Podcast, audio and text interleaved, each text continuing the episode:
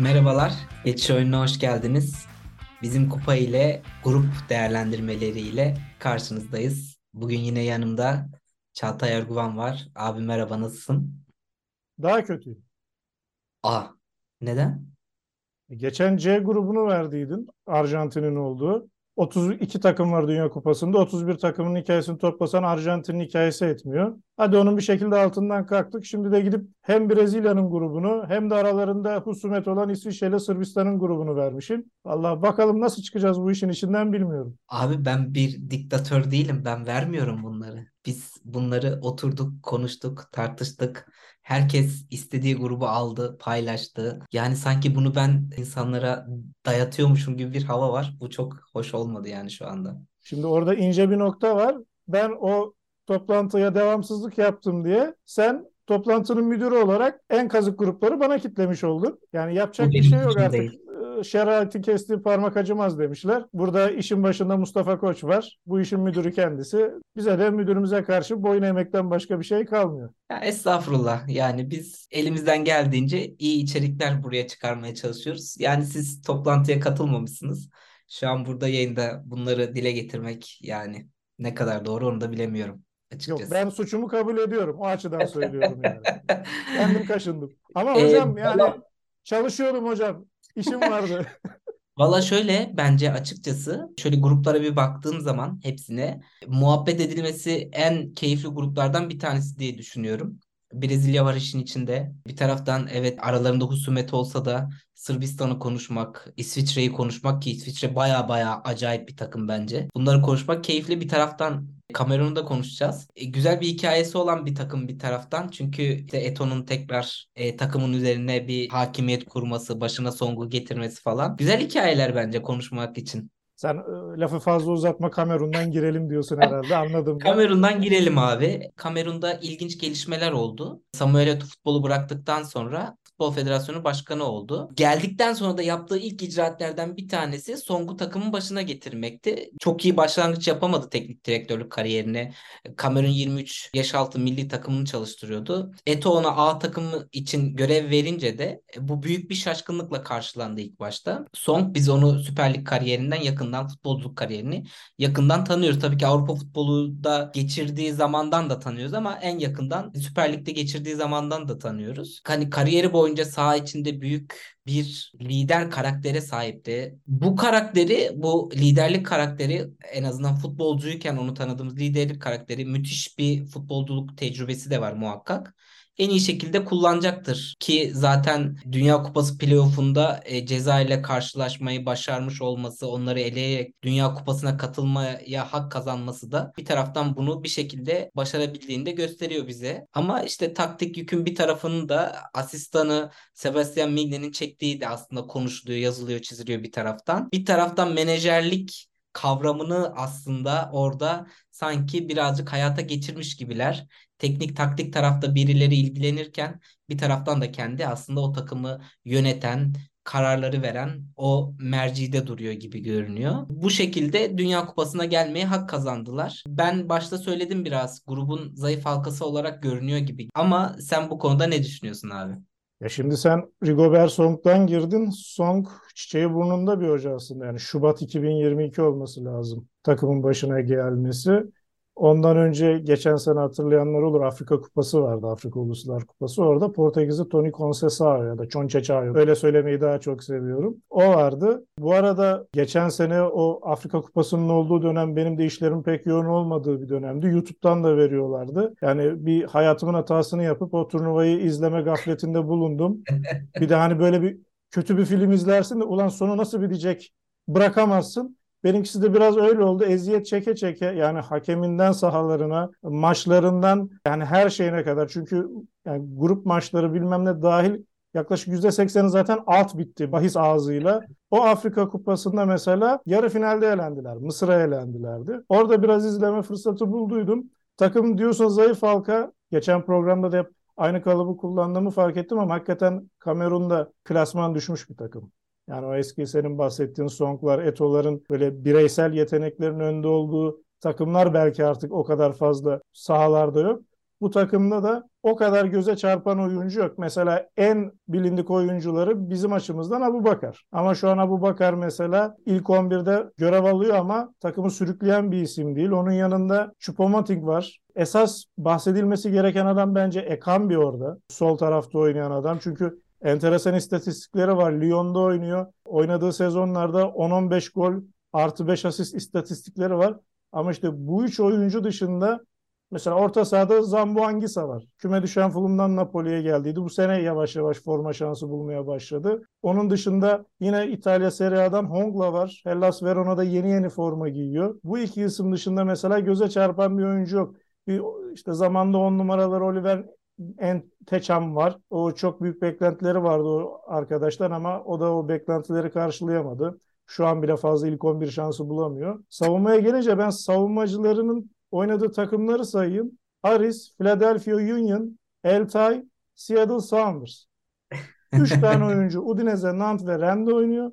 Bir tek bu oyuncular arasında Christopher Wuh göze çarpıyor. Onu daha önce yani öyle Rem takımını fazla izlediğimizden değil de oku, okuduklarımıza göre fark yaratan isim bu diyorlar. Mesela Enzo Ebose'yi ben biliyorum az biraz Serie A'dan izlediğim için.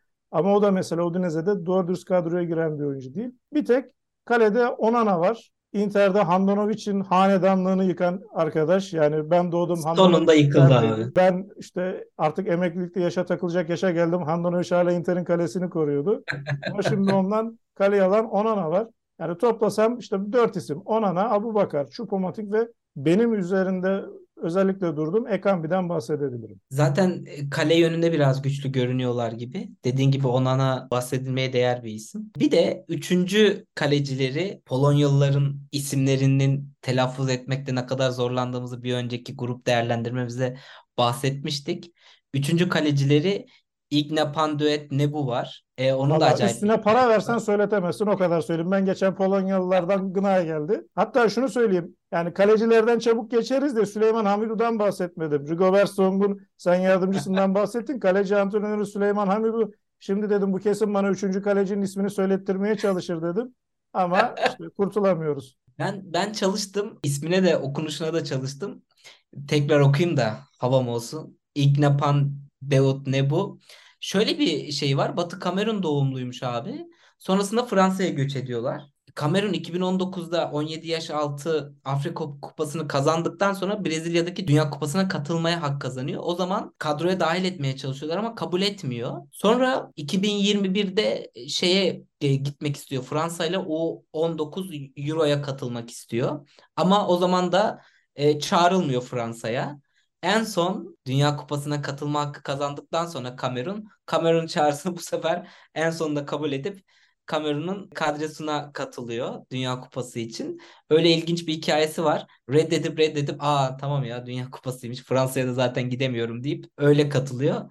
Öyle bir ilginç bir not var kale için. Ben de hemen araya gireyim. Kale için o ilginç notun devamında aslında bu bir proje. Senin anlattığın bu çifte vatandaşlık sahibi olan oyuncuların Kamerun milli takımına katılması Eto'nun göreve geldikten sonra özellikle üzerinde durduğu bir proje. Eto projesi olarak biliniyor. Enkudu, Enkolu, az önce Rende oynadığını söylediğim Christopher Wu ve Embuemo. Mesela az önce kadroyu sayarken atladığımız bir isim. Neden atladık? Çünkü önceki maçlarda hiç oynamıyordu. Sebebi de çifte vatandaştı ve Kamerun'un teklifini kabul etti. Embuemo kim? Embuemo Brentford'da 200 senedir Premier Lig'de izlediğimiz Ivan Toney'nin yanında bazen yanında bazen sağ veya sol kanadında oynayıp gayet güzel istatistiklere sahip olan göz önünde bir oyuncu. Afrika Kupası'nda yoktu. Dünya Kupası kadrosuna yeni alındı. Onun da göstereceği performans çok merak ediliyor. Bakalım Eto projesi çünkü Eto bu Dünya Kupası'na gelirken Cameron'un e, Dünya Kupası'nda sizce şansı nedir sorusuna kazanmaya gidiyoruz diyor.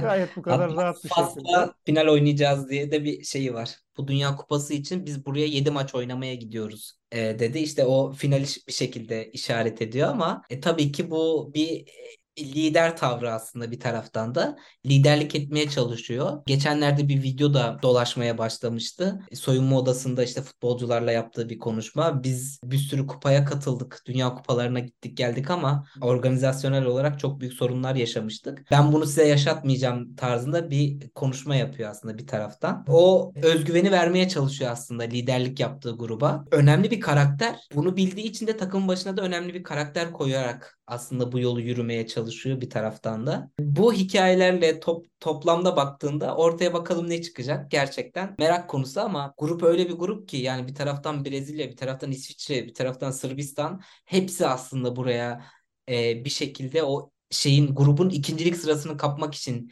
gelmiş durumdalar. Brezilya'yı biraz kenara ayır, ayırdığımız zaman bakalım ortaya ne çıkacak diyerek aslında oradan yavaştan istersen Sırbistan'a geçelim diyorum. Şöyle söyleyeyim sen grubu övdün övdün övdün istersen sayılarla da destekleyelim. Şu an grupta Kamerun en zayıf gördüğümüz takım FIFA sıralamasında 43. Şimdi konuşacağımız Sırbistan 21. Onun rakibi İsviçre 15. Brezilya da 1. Enteresan bir notla devam edelim. İşte Kamerun'u bir kenara koyarsak ya da şöyle yapalım. Kamerun'un yerine Costa Rica'yı koyduğumuz zaman bu diğer 3 takım 2018 grubunu oluşturuyor aynı zamanda. Aynen öyle. Ve o grupta işte Sırbistan, İsviçre ve Brezilya var. O grupta gruptan çıkamayan Sırbistan'la başlayalım mesela. Başlayalım abi. E, dediğin gibi bir dejavu aslında yaşıyorlar bir taraftan. Çünkü 4 yıl önce Rusya'da Sırbistan yine bir Brezilya ve İsviçre ile aynı gruptaydı. Ve tekrar kar karşılaşacaklar. Ama bu kez takımın bence gruptan çıkma konusunda gerçekten bir kaliteye bir taraftan da tecrübe ve bilgi birikimine de sahip olduğunu düşünüyorum. Buna da en son Dünya Kupası eleme grubunda başardıklarını gösterebiliriz. Bence Portekiz'i geride bırakarak gelmeyi başardılar buraya. Hem de son maçta Portekiz'de oynadıkları son maçta geriye düştüler. Maçın hemen başında. Sonrasında toparladılar ve maçı galip olarak bitirerek buraya ulaşmaları bence çok değerli bir done. Bu söylediklerimize ek olarak de, demin de dediğim gibi Brezilya'yı biraz ayırırsak ikincilik için İsviçre ile tabii ki burada Kamerun'u birazcık daha kalite olarak oradan geride görüyoruz ama İsviçre ile gerçek manada ikincilik için yarışacak en önemli takımlardan biri olarak görüyorum ben. Yine Dünya Kupası grubunun nasıl zor bir grup olduğunu şöyle bir e, istatistikle destekleyeyim. Sırbistan grubundan namalup çıktı. Bir de İsviçre o var. de namalup çıktı. Tahmin et bir takım daha namalup çıktı. O da Brezilya. Brezilya. Bir de şu var İsviçre'de son Avrupa şampiyonu İtalya'yı geride bırakarak namağlup çıkmayı başardı. Yani bu iki takımın nasıl büyük bir iş başardığını, ikisinin de namalup olarak gruplardan çıktığını, playoff oynamak zorunda kalmadan buraya geldi. Herhalde bu iki takımın gücünün en büyük ispatı. Ha, Sırbistan'a gelirsek şimdi çok güçlü bir şekilde gelmelerinin en büyük sebebi Stojkovic. Teknik direktörlerini değiştirdiler ve Stojkovic dediğiniz adam lakabını söyleyeyim Balkanların Maradonası olarak biliniyor. Hani bizim Hacı'nin Karpatların Maradona'sı var ya ikisinin de kariyerleri aynı dönemde ama Stojkovic'in bir şanssızlığı. Mesela biz Hacı'yı hem milli takımda yaptıklarında hem de Galatasaray'dan iyi tanıyoruz ama Stojkovic dediğin zaman kafalarda soru işareti oluşuyor. Bunun sebebi de şu. Hacı ile aynı dönemde oynamış olmasına rağmen sakatlıklardan dolayı kariyeri çok büyük sekteye uğramış. Ama Yugoslavya'nın işte 86-90'da mesela Kızıl Yıldız'da oynuyor ve bir Kızıl Yıldız efsanesi Stojkovic. 90 Dünya Kupası'nda gruptan takımını çıkaran adam diyorlar. Son 16'da İspanya'ya 2 gol atan adam ve çeyrek finalde Arjantin'e yenilirken o maçın sahada en iyi oyuncusu olarak kabul ediliyor ki o sahada Maradona da var. Böyle bir adam Stojkovic. Ha, bu Stojkovic ne yapıyor da çok güçlü geliyor Sırbistan? Dünya Kupası'na gelirken şunu söylüyor Stojkovic abim. Sadece kazanmakla olmaz. Biz iyi oynayarak, atak oynayarak kazanacağız diyor. Bizim oyun oynamamız lazım diyor. Nasıl bir oyun oynatıyor? Üçlü savunma oynatıyor. 3-5-2 veya 3-4-3 oynatıyor. Çift santrafor oynatıyor. Hani diyor ya atak futbol oynayacağız diye. Vlahovic'in yanına Mitrovic'i koyuyor. Yetmiyor. Arkasına Dušan Tadic'i koyuyor. Sola O da Kostić- yetmiyor. İşte o da yetmiyor. Sola Kostic'i koyuyor. E zaten bu oyuncuların ofansif özelliklerini işte bilenler bilir. Bu dört oyuncuyu aynı anda sahaya koyduktan sonra zaten o takım istese de istemese de ofansif oyuna yöneliyor. Bu arkadaşların arkasını toplayacak mesela bir Gudeli var Sevilla'da. Son zamanlarda işte Twitter'da, sosyal medyada görmüşsünüzdür. 30-35 metreden attığı bazukalarla meşhur bir arkadaş. Onun yanında mesela Lukic'i kullanıyor. Lukic de teknik bir oyuncu. Ben Serie A takip ettiğim için Torino'da izleme şansım oluyor. E, saymadığımız esas bir önemli oyuncu var. Sergej Milinkovic-Savic. Lazio'da göstermiş olduğu performans hem ofansif hem defansif iki yönlü oynayabilen bir oyuncu. Bu takımı bir kademe daha yukarı çıkaran oyuncu. O da var. Şimdi işte Vlahovic dedik, Mitrovic dedik, Tadic dedik, Sergej Milinkovic, Savic dedik, solda Kostic dedik. Bu takım keyif verme açısından, göze hoş gelme açısından işte Brezilya'yı, Arjantin'i bu büyük başları kenarda bırakınca baş altı takım olarak ben ilk sıraya yazarım. Abi kesinlikle sonuna kadar katılıyorum söylediğin her şeye. Özellikle önde Mitrovic Vlahovic'i koyup arkasına Tadic'i koyup bir de arkasına Milinkovic Savic koyduğun zaman ortaya zaten muazzam bir şey çıkıyor kağıt üstünde. Ama bunu ikna etmek, izleyenlere bunu sunabilmek de büyük bir cesaret işi. Zaten o yönden takdir ediyoruz teknik direktörlerini de. Oynadıkları oyuna şunu eklemek istiyorum ben naçizane senin söylediğin e, onu desteklemek için topa sahip olarak paslarla ileri götürmeye amaçlayan bir oyun oynamak istiyor teknik direktör ve bunun için şöyle acayip bir istatistik var. Geçtiğimiz sene İsveç ve Norveç'e karşı oynadığı iki tane maç var Sırbistan'ın. Birinde 460, diğerinde 439 maç şey e, pasla bitiriyorlar maçları. Topa gerçekten sahip olup ona hükmedip oyunu da hükmederek bitirmeyi amaçlayan bir takım. Gerçekten bu grup aslında bize keyif olarak bir şeyler vaat edebilir. Zaten Brezilya var. Bir taraftan İsviçre var. Bir taraftan da Sırbistan da bize özel şeyler vaat ediyor gibi geliyor bana. Bu özelliklerini de göz önüne alırsak gibi geliyor yani. Anlattıklarına ek bunları eklemek istedim bir taraftan. Ben bir de gözümüzü dikmemiz gereken bir oyuncudan bahsetmek istiyorum. Hani hep hücum hattından işte orta sahadan bahsettik ama 21 yaşında acayip Pavlovic diye bir e, oyuncuları var defansta. Yeni Vidic olarak lanse ediliyor. Onu da farklı bir gözle izlemeyi tavsiye ediyorum açıkçası. İşte hücumdan orta sahadan ben bahsettim. Savunmadan sen bahsettin. Savunmada genç olmasına rağmen mesela savunmada Stojkovic'in arayışlarının olduğu belli. İşte Velikovic, Mitrovic, Masovic, Milenkovic hatta şeye kadroya çağırmadı ama Nastasic bu oyuncular hem Dünya Kupası elemelerinde hem Uluslar Ligi'nde oynayan oyuncular ama oyuncuların arasında devamlı oynayan bir tek Pavlovic var. Evet. Ona Kesinlikle. çok güveniyor. Tam olarak güvenmediği isimler de var. Mesela kalecilerde işte Rajkovic var, Savic var, Dimitrovic var. Bu üç kaleci de işte Dünya Kupası elemelerinde de, Uluslar Ligi'nde de son hazırlık karşılaşmalarında devamlı bir rotasyonla oynuyor. Yani şu an son olarak Savic'i kullanıyor gibi gözüküyor ama ilk maçta mesela kimin kalede oynayacağını ben merak ediyorum. gerçekten bize sürprizler yaşatacak gibi görünüyor. Hem grupta hem de belki de kupanın devam eden kısımlarında. Bakalım ne gibi sürprizler bize sunabilecekler. Ama o mücadele bir taraftan da en son Dünya Kupası'nda yine aynı grupta olmaları, oradaki hikaye falan ona da zaten değineceğiz şimdi. Gerçekten bence en özel gruplarından bir tanesi olarak görüyorum ben açıkçası Dünya Kupası'nı. Diyerek aslında bir taraftan şeyde geçebiliriz abi. İsviçre'ye de geçebiliriz. Eğer Sırbistan için ekleyeceğim bir şey yoksa. Yok Sırbistan'la ilgili dediğimiz gibi yani dileriz umduğumuz gibi keyifli futbollarını devam ederler. Bu Sırbistan takımını 3 maç kesin izleyeceğiz. Ben daha da fazla izlemek isterim. Ha Sırbistan'ı izlemek isterim de İsviçre'yi istemez miyim? Onları da isterim.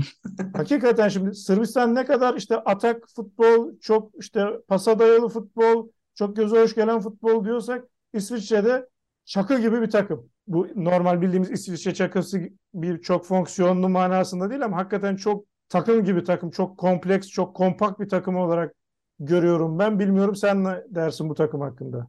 Abi kesinlikle katılıyorum. Euro 2020'de geç, geçtiğimiz sene çeyrek finale çıkarak hani turnuva öncesi üzerinde bayağı bir beklenti oluşmuştu Türkiye'nin biliyorsun. Sadece bizde değil aslında dışarıdan da beklenti oydu.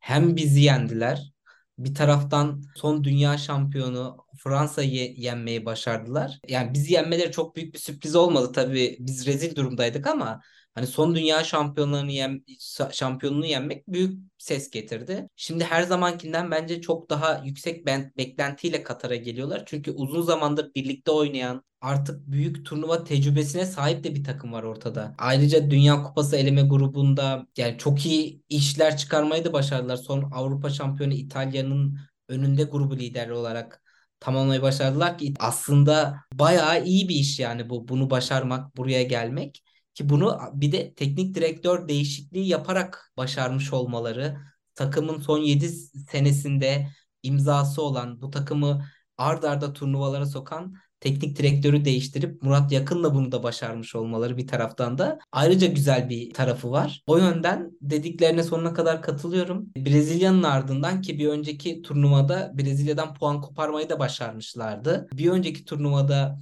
aşağı yukarı aynı grupla oynayacak olmaları insana gerçekten şey veriyor tekrardan bir heyecan veriyor yani bu sefer ne yapacaklar acaba diye. Sen şunu vurguladın çok önemli bir nokta. Hocayı değiştirdiler. Ve değişen hoca da Murat Yakın bizim çok yakından bildiğimiz 98-2000 olması lazım. O dönemde Fenerbahçe'de de iki sene top oynayan çok eleştirilirdi. Bu adam işte sağdan alıp solda vermekten başka bir şey yapmıyor diye çok konuşulurdu. O adam mesela işte İsviçre milli takımında da çok önemli işler yaptıydı. Uzun süreler forma giydiydi. Murat Yakın göreve geldi. Murat Yakın'ın göreve gelmesi yalnız biraz ilginç.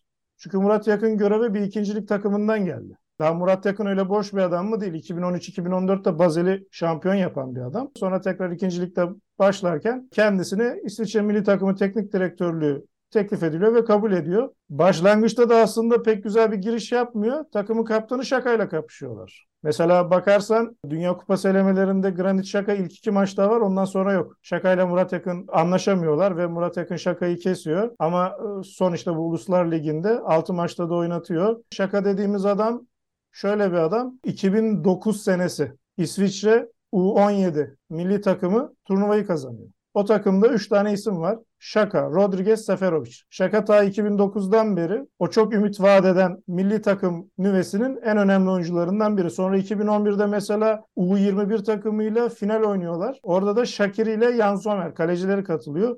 Bu beşli sen dedin ya yıllardır birbiriyle oynayan takım ta o zamanlardan beri beraber oynuyorlar. Şaka'nın, Şaka'nın dördüncü Dünya Kupası abi bir taraftan da.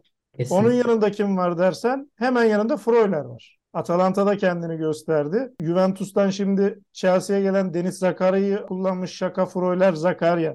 Üçlüsünü ağırlıklı olarak kullanmış. Ha taktik olarak Murat Yakın ne yapıyor? Stojkovic kadar bir tane dizilişe bağlı değil. Şöyle bir baktım ben hem Dünya Kupası elemelerine hem Uluslar Ligi maçlarına. Yani dörtlü de oynatıyor, üçlü de oynatıyor. İleride iki santrafor da kullanıyor. Tek santrafor, iki kanat da kullanıyor. Mesela o santraforlardan biri bizim tanıdık isimlerden biri Seferovic. Galatasaray'ın oyuncusu ama son zamanlarda pek Seferovic'le oynamamaya başlamış. Gençlere ağırlık veriyor. Mesela o İtalya'yı grupta eledikleri maçta genç Okafor'u oynatmış. Hı hı. Onun yanında Brelembelo var. Bunları tercih ediyor. E, hücumda Vargas'tan bahsetmemiz gerek böyle çok alternatifli kadrolar yapıyor. Savunmada pek o kadar alternatif yapmıyor. Genellikle şimdi Newcastle'da çok üstüye performans gösteren Fabian Schär'i oynatıyor. Akanji oynatıyor yeni Manchester City'ye transfer olan. Onların alternatifi olarak da Elvedi'yi kullanıyor. Solda Ricardo Rodriguez o meşhur uzun saçlarıyla Wolfsburg'dan tanıyoruz. Şimdi işte İtalya Ligi'nde sol stoper de oynuyor mesela. Murat Yakın'ın o dörtlü üçlü dönüşümünde çok önemli bir oyuncu. Hı hı. Sağda da Widmer'i kullanıyor. Kaleci olarak da yani ben Bundesliga'yı pek takip etmiyorum ama Twitter'da devamlı işte Jan Sommer'in Bayern Münih karşısındaki muhteşem performansı, Avrupa Ligi'nde, Şampiyonlar Ligi'nde artık nerede oynuyorsa muhteşem performansı diye düşen videolardan dolayı da Jan Sommer'i tanıyoruz artık. Kalede de güvendiği bir isim olarak Jan Sommer'i izleyeceğiz gibi duruyor. En güçlü yanlarından bir tanesi aslında Sommer. Dediğin gibi o özellikle Bayern kısmında duyduğun bir rekor kırdı. Bir maçta Bundesliga rekoru kırdı. Kurtarış rekoru. Acayip bir performanstı o. Onunla geliyorlar. Dediğim gibi kale aslında bir taraftan da en güçlü oldukları noktalardan bir tanesi. Murat Yakın'dan çok bahsettin abi. Futbolcu olarak özellikle antrenmanlarda çok rahat bir karakter olarak bilinirdi. Ki Fenerbahçe'ye geldiği dönemden de tanıyoruz onu. Ki buradaki en ufak bir böyle şeyde bile kaçıp gitmişti hemen. Şey depremi bahane ederek gitmişti diye hatırlıyorum ben. Şimdi orada bir Ama... yani yine bir parantez yapayım. Deprem bahane olabilir ama Fenerbahçe'nin kötü durumu da aslında şey olmuş olabilir. Çünkü işte 96'dan 2000'e kadar Galatasaray'ın hükümranlığı vardı. Murat Yakın'ın geldiği zaman da Fenerbahçe çok karışıktı. Hem teknik direktör hem oyuncu öğütme makinesi gibi çalışıyordu. Adam İsviçre'den gelmiş, düzen, nizam, intizam insanı. Fenerbahçe'deki bu kaosu falan görünce depremi de bahane etmiştir. Muhakkak ama işte düzen nizam intizam adamı derken rahatlığıyla bilinen özellikle antrenmanlarda sıkıya çok gelemeyen bir futbolcu olarak bilinirken şu an teknik direktör olarak tam tersi bir karakter sergiliyor bir taraftan. Şu, şu yönden aslında maçlara birebir çok sıkı hazırlanan takımı her maç için özel hazırlayan ve e, rakiplerin zaaflarından tam olarak nasıl yar yararlanacağını bilen zeki bir taktikçi olarak şu an İsviçre'de lanse ediliyor. Bu yönden değişimi de aslında bir taraftan ya da e, şu anki futbol iklimine ayak uydurması da aslında bir taraftan takdir edilecek şeylerden bir tanesi ki de, sen bahsettin Bazel'le aslında çok iyi o Muhammed Salah'lı Bazel'le başardıkları iyi bir dönem var. Oradan sonra tekrar ikincilikten başlamak bunlar büyük işler. Ya büyük işler derken emek isteyen işler aslında bir taraftan. Demek ki bir şeyler gösteriyor ki Petkovic'den sonra tekrar milli takıma ilk olarak aday gösterilmesi, herkesin buna bir şekilde onay vermesi ve o mertebeye getirilmesi bayağı önemli bir iş. Şeyi hatırlıyorum yani Hakan Yakın çok daha popüler bir isimdi aslında Murat Yakın'dan. Çok da yetenekli bir adamdı bir taraftan. E, biz çok severiz on numaraları. O pozisyonda oynadığı için bir taraftan da çok dikkatimizi çekiyor. Ama İsviçre ile bizim Avrupa Şampiyonası 2008 Avrupa Şampiyonası'nda karşılaştığımızda o zamanki polemikleri falan hatırlıyorum. Hakan yakın bilmem ne falan. İnsan şu an şey geliyor yani biraz tuhaf geliyor bütün bunları konuşmak. Biz nerelerde hala debeleniyorken bu insanların bunları başarıyor olması da bir taraftan hem tuhaf hem de çok da güzel geliyor. Bu arada hemen araya gireyim. Abisinin şu an yardımcılığını yapıyor. Milli takımda. İşte yani yani müthiş hikayeler. E, bir taraftan da Murat Yakın'ın taktiksel yaklaşımından, olaya nasıl baktığından bahsettik. Rakiplerin nasıl zaaflarından faydalandığından bahsettik. Milletler Ligi'nde İspanya ile karşılaşmışlardı. Orada oynadıkları maçla İspanya ile oynadıkları maçta ilginç bir istatistik var abi. O benim okurken çok dikkatimi çekti. Bir şekilde öyle bir baskı yaparak ortaya İspanya'yı sadece ve sadece kanatlardan oynamaya mahkum ederek maçı baştan sona kadar bitirmeyi zorlamışlar ve İspanya'nın gol beklentisini 0.46'ya kadar düşürmüşler o maç. Ve 2015'ten bu yana işte Weisskuch'ta herhalde istatistiği tutan şirket o şirketin 2015'ten bu yana tuttuğu en düşük e, oranı yakalatmışlar şey İspanya'ya. Bunlar aslında Murat Yakın'ın olaya nasıl baktığını aslında bu grubun özelinde de e, baktığımızda çünkü çok çetin maçlar oynayacaklar bir taraftan. Kamerun'la, Sırbistan'la ve Brezilya'yla ki en son Brezilya'yla Murat Yakın olmasa da bu takımın e, puan koparmayı başardığını da biliyoruz. İkincilik mücadelesi için en azından önemli doneler bunlarda. Bakalım yani iş nerelere kadar gidecek e, bu grupta. Şimdi sen bir sevgi insanı, barış insanı olarak benim attığım zarfları pas geçtin. İşte abi o işte 2018'deki tatsız anıları hatırlatmayalım, geçelim dedin ama hatırlatmak gerekiyor aslında. Şakadan bahsettik. Şakanın yanında bir de Şakir'i var. Hem Şaka hem Şakir'i Kosovalı ve Sırbistan'la Kosova arasında şu an diplomatik bir kriz var. Sırbistan Kosova'yı tanımıyor. 2018'de Sırbistan'la İsviçre aynı gruba düşüyor. Sırbistan 1-0 öne geçiyor. Şaka beraberlik golünü atıp işte e, Kosovalıların daha doğrusu Arnavutların bayraklarında olan çift başlı kartal hareketini yapıyor. Bir diğer Kosovalı Şakir'i 90 artı 1'de gol atıp yine tribünlere o hareketi yapıyor. Ha, FIFA klasik bir şekilde para cezasıyla falan geçiştirmişti. Ama Sırbistan'da ve Kosova'da çok konuşuldu bu olay. Hani gerçi ben bu FIFA'dan kullanmıyor değilim. Eskiden bu işleri iyi kılıfına uyduruyorlardı işte sıcak toplarla falan. Biz yıllarca Yunan takımlarıyla karşılaşmadık mesela Avrupa kupalarında. Sen 2018'de bu olay yaşandıktan sonra gidip aynı takımları 4 sene sonra aynı kuraya sok. Bir de git 3. maç olarak bu iki takımı karşılaştır.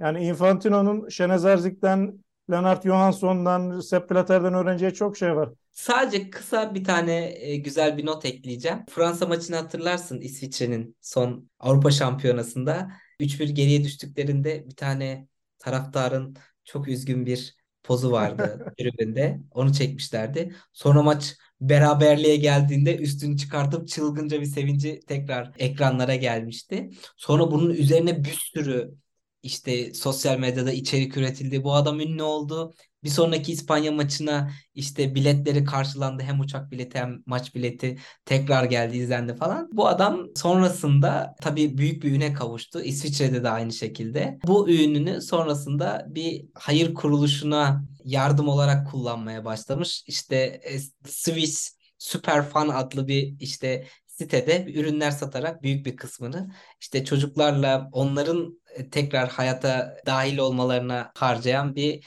fon oluşturarak devam ettiriyor. O taraftarın o maç içinde yaşadığı o müthiş duygusal değişimi hepimiz de zaten izleyip gülümsemeyle hatırlıyoruz şimdi. Sonrasında da çok fazla ondan sonra da maçlara gitmeyi tercih etmemiş gibi bir şey okudum ama e, bilmiyorum bakalım bu Dünya Kupası'nda da karşımıza çıkacak mı? Çıkarsa müthiş bir keyif olur bir taraftan tüm bir konuştuklarımızın üzerine diyerek artık grubun ağır babası Brezilya'ya geçelim diyorum. Geçelim nasıl geçelim? Sen Murat Yakın'dan çok bahsettin. İşte kendini geliştirmesi dedin. ikiciliklere gidip ondan sonra milli takıma geçmesi dedin. Aynı hikaye daha doğrusu benzer bir hikayede e, Brezilya milli takımının hocası Tite sahip. E, Tite 2014 yılıydı yanlış hatırlamıyorsam işte 90'larda falan başlıyor hocalığı.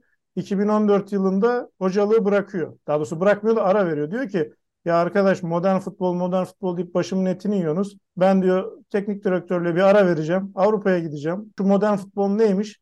Yerinde göreceğim, öğreneceğim diyor. Fazla da şey yapmıyor zaten. Aa, ben öğrendim deyip 2015'te tekrar takım çalıştırmaya başlıyor. Ama mesela 2016'da da Brezilya milli takımının başına geliyor. Tite ile ilgili bir ilginç anekdot da şöyle vereyim. Hatta sana bir soru sorayım. Tite'nin ismi ne? Tite? Tite değil mi abi? Değil, Tite lakabı. Adamın ismi mesela Leonardo Bacci. İtalyan göçmeniymiş bu abim. Hani hatta işte bu Scolari de geçen okuduğumda çok şaşırmıştım. O yüzden paylaşmak istiyorum. Scolari'nin de İtalyan e, kökleri varmış. Soyattan zaten biraz belli oluyor. Scolari, Bacci. İkisinin bir ortak noktası daha var. Scolari spor akademisinde hocayken Tite'de öğrencisi işte yıllar sonra bir nevi hocasının yerini almış oldu Tite. Neden Tite'den girdik? Çünkü Arjantin'le ilgili konuşurken mesela eskisi kadar yetenekli oyunculara sahip değiller ama çok iyi bir takımlar dedik. Brezilya'yı da aynı şekilde lanse edebiliriz. Çünkü Tite'nin kurmuş olduğu kadro eski takımlara baktığın zaman çok üst düzey yıldızlara sahip değil. Ama hem genç bir hem de bir arada oynamaya iyicene alışmış bir takım. Şimdi mesela en güçlü oldukları yerlerden biriyle başlayalım aynı İsviçre gibi. Kale. Ederson diye bir adam var. Kaleyi alamıyor çünkü önünde Alisson var. Abi kale ateş ediyor. Bak kaleci antrenörleri Tafarel ve Dida. Şu an sahaya atsan kurtarırlar yani. o kadar. Doğru söylüyorsun ama şöyle bir şey söyleyeyim. Ederson'la Alisson seviyeyi başka bir noktaya çıkarmış durumdalar yani. Çok Kesinlikle. enteresanlar. Savunma belki de en zayıf oldukları alan olarak kabul ediliyor. Göbekte sıkıntı yok. Mesela stoperlerde Thiago Silva var. 38 yaşına geldi. Hala Chelsea'de oynuyor. Yanında Eder Militao kullanılıyor genelde. Marquinhos var. Bremer var. Bu göbek her türlü ikili şekilde oynar ama bekler mesela Danilo ile Dani Alves var. Dani Alves 39 yaşında. Danilo da ben Juventus'u az biraz takip ettiğimden biliyorum. Stoper oynadığı için sağ bek oynamayı unutmuş olabilir. Çünkü adam yok bundan bayağıdır stoper oynuyor Danilo. Solda da Alexandro ve Teyes var. Brezilya bizi yıllar boyunca öyle bir seviyeye alıştırdı ki özellikle bek konusunda işte Kafular, Dani Alves'ler, Marcelo'lar, Roberto Carlos'lar, Danilo ve Alessandro'ya aslında aslında baktığında aslında uluslararası seviyede top seviyede sayabileceğimiz isimler ama onlar öyle bir yerdeydi ki bunlar bize yetersiz geliyor bir taraftan. Bu da tuhaf bir kalite göstergesi. Doğru söylüyorsun. Ya kendileri de biraz bu seviyeyi alçalttılar. Çünkü Danilo'nun ve Alexandro'nun şu an prime dönemlerinde olduklarını söyleyemeyiz. Kesinlikle. Şimdi sen geçen Arjantin konuşurken de abi işte kötü yanlardan bahsetme. Burada güzelliklerden bahsedelim. Hoşluklardan bahsedelim. Hikayelerden bahsedelim dedim. O zaman ben orta sahaya geçeyim. Orta sahada çok güzellikler var. Mesela Casemiro ile Fabinho var. ön libero olarak. Fred var. Buradaki en zayıf halka ama Fred'in alternatifi olarak bir tane arkadaş geliyor yeni. Newcastle'da oynamaya başladı. Bruno Gimareş. Benim evladım.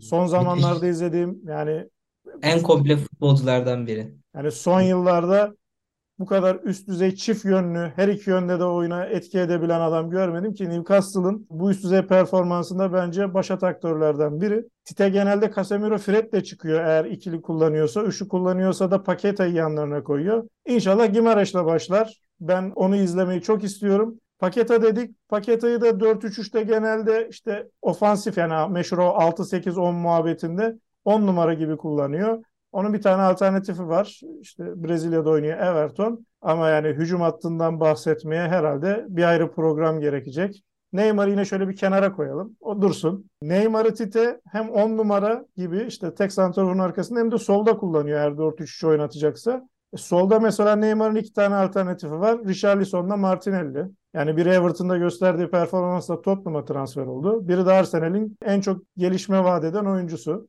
Diğer tarafa geçiyoruz. Bu Real Madrid'de Benzema'nın yanında bir arkadaş var gençten. O var. Vinicius Junior. Yani Benzema bu sene Ballon d'Or aldıysa biraz da bu arkadaşın e, yardımları sayesinde oldu. Benzema da çok yardım etti Vinicius Junior'un rakamlarını ama Benzema dediğimiz zaman Junior'dan da bahsetmemek olmaz. Bu adamın Real Madrid'deki yedeği de kadroda. Rodrigo. Yetmiyormuş gibi Manchester United'a yeni transfer olan Anthony var. Bir de yetmiyormuş gibi Barcelona'ya transfer olan East United'dan Rafinha var. Yani bitmiyor. Bitti mi bitmedi. Şey gibi oldu. Vapurlarda tükenmez kalem satan amcalara benzedim ama bir yine işte bekler gibi biraz zayıf halka olarak santrafor mevkii var. Gabriel Jesus var ki ne kadar zayıf halka onu da bu sene Arsenal'de sezon başında göstermiş olduğu performansla bizlere kalitesini ispat etti. Onun arkasında da yine Brezilya'dan bir Pedro var. 1.85 boyunda kalıp o Brezilyaların meşhur santraforları olur ya işte Fredlerden Yardel'lere kadar. O klasik bir tane kalıplı santraforları var. Takımı say say bitmiyor. Öyle bitmiyor ki takıma giremeyenlerin arasında mesela Firmino var. Evet. Coutinho var. Savunmada da Emerson Royal'la Arsenal'li Gabriel var. En fazla tartışmayı zaten Firmino yarattı. Neden alınmadığı yönünde. Gabriel de belki bu sezon Arsenal'in gösterdiği performansla birlikte en fazla göze çarpan isimlerden bir tanesi. Hucum alanında da yani kendisi iyi bir defans oyuncusu bir taraftan ama hucumda da skora katkı sağlamasıyla dikkatleri çekiyor bir taraftan da. Ama yine Arsenal'den Martinelli'den sen bahsettin zaten.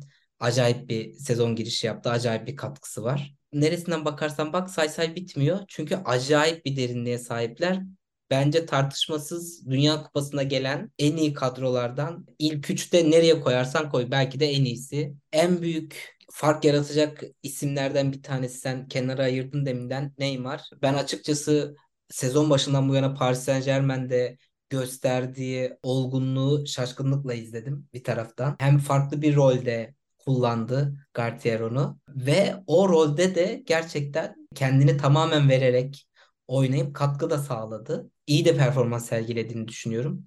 Muhtemelen bu Dünya Kupası'nın motivasyonu çok etkilemiştir onu. Artık 30 yaşında çok acayip beklentilerle tam tersi çok saçma sapan performanslar sergiledi bu zamana kadar. 2014'te bence Brezilya'nın yaşadığı en büyük sıkıntılardan bir tanesi birincisi bu hücum zenginliğine sahip değillerdi. Neymar sonrası hiçbir şey yapamadılar. Neymar varken de zaten o da yerlerde yuvarlanıp duruyordu. Öyle saçma sapan bir iş, acayip bir iş oldu. Ama şu an hem Neymar'ın bu motivasyonuna hem de bu zenginliğe sahipler. 2018'de Belçika'ya elendikten sonra Tite bırakacaktı milli takımı. Ee, tekrar bununla yüzleşmek istemiyorum gibi bir açıklaması var. Ama sonrasında ikna olup tekrar geri döndü. Geri döndükten sonra iki tane Copa America finali yaşadı ki bir tanesinde Peru'ya karşı 12 yıl sonra yanlış hatırlamıyorsam kupayı kaldırmayı başardılar. İkincisi zaten malum Arjantin'e karşı kaybettiler. Bence çok iyi geliyorlar. Hani net turnuva favorisi olarak sayabileceğimiz bence 3 e, takım var. E, Dünya Kupası'nda. Birini Arjantin zaten yine seninle konuştuk. Bir diğeri de Brezilya olarak gösterebiliriz. her şeyle birlikte, bütün hikayesiyle birlikte, Tite ile birlikte, işte kaledeki rotasyonla birlikte, tüm kadrodaki derinlikle birlikte hepsini sayabiliriz. Bakalım grup da çok güzel bir grup. Bence gayet güzel bir grup ve sonrasında Dünya Kupası izleyeceğiz gibi geliyor bana. Yavaş yavaş kapatacağız abi. Son sorum kupayı kim alır? Yani bu soruyu bana soruyorsun tabii çünkü hem Arjantin hem Brezilya'yı çalıştırttın bana. Ondan sonra kim alır? Zaten toplasan 3 tane aday var. İkisini biz konuştuk. Hani seni üzeceğim ama ben Brezilya'yı bu Arjantin karşısında bir hatta bir buçuktan kanaat notu kullanarak iki adım önde görüyorum. Yıllarca Brezilya'yı izledik ya işte ya çok üst düzey takım olup 2006'larda ya da işte 98'lerde finallerde falan kaybetti. Ya da hiç böyle üst düzey beklenti olmadan 1994'te işte o Pereira'nın sıkıcı futboluyla kazandı. Bir tek 2002'de işte Ronaldo'lar, Ronaldinho'lar, Rivaldo'lar neyse ben anladım senin gözlerinden parantezi kapat abi diyorsun. Abi Brezilya alır. Abi ağzına sağlık. Dünya Kupası boyunca yayınlarımız devam edecek. Bizi takip etmeye devam edin. Geçiş oyununu hem YouTube'dan Golcast adıyla hem de di- tüm podcast kanallarından takip edebilirsiniz. E, yorumlarınızı ve görüşlerinizi de bekliyoruz. Tekrar görüşmek üzere. Hoşçakalın. Hoşçakalın.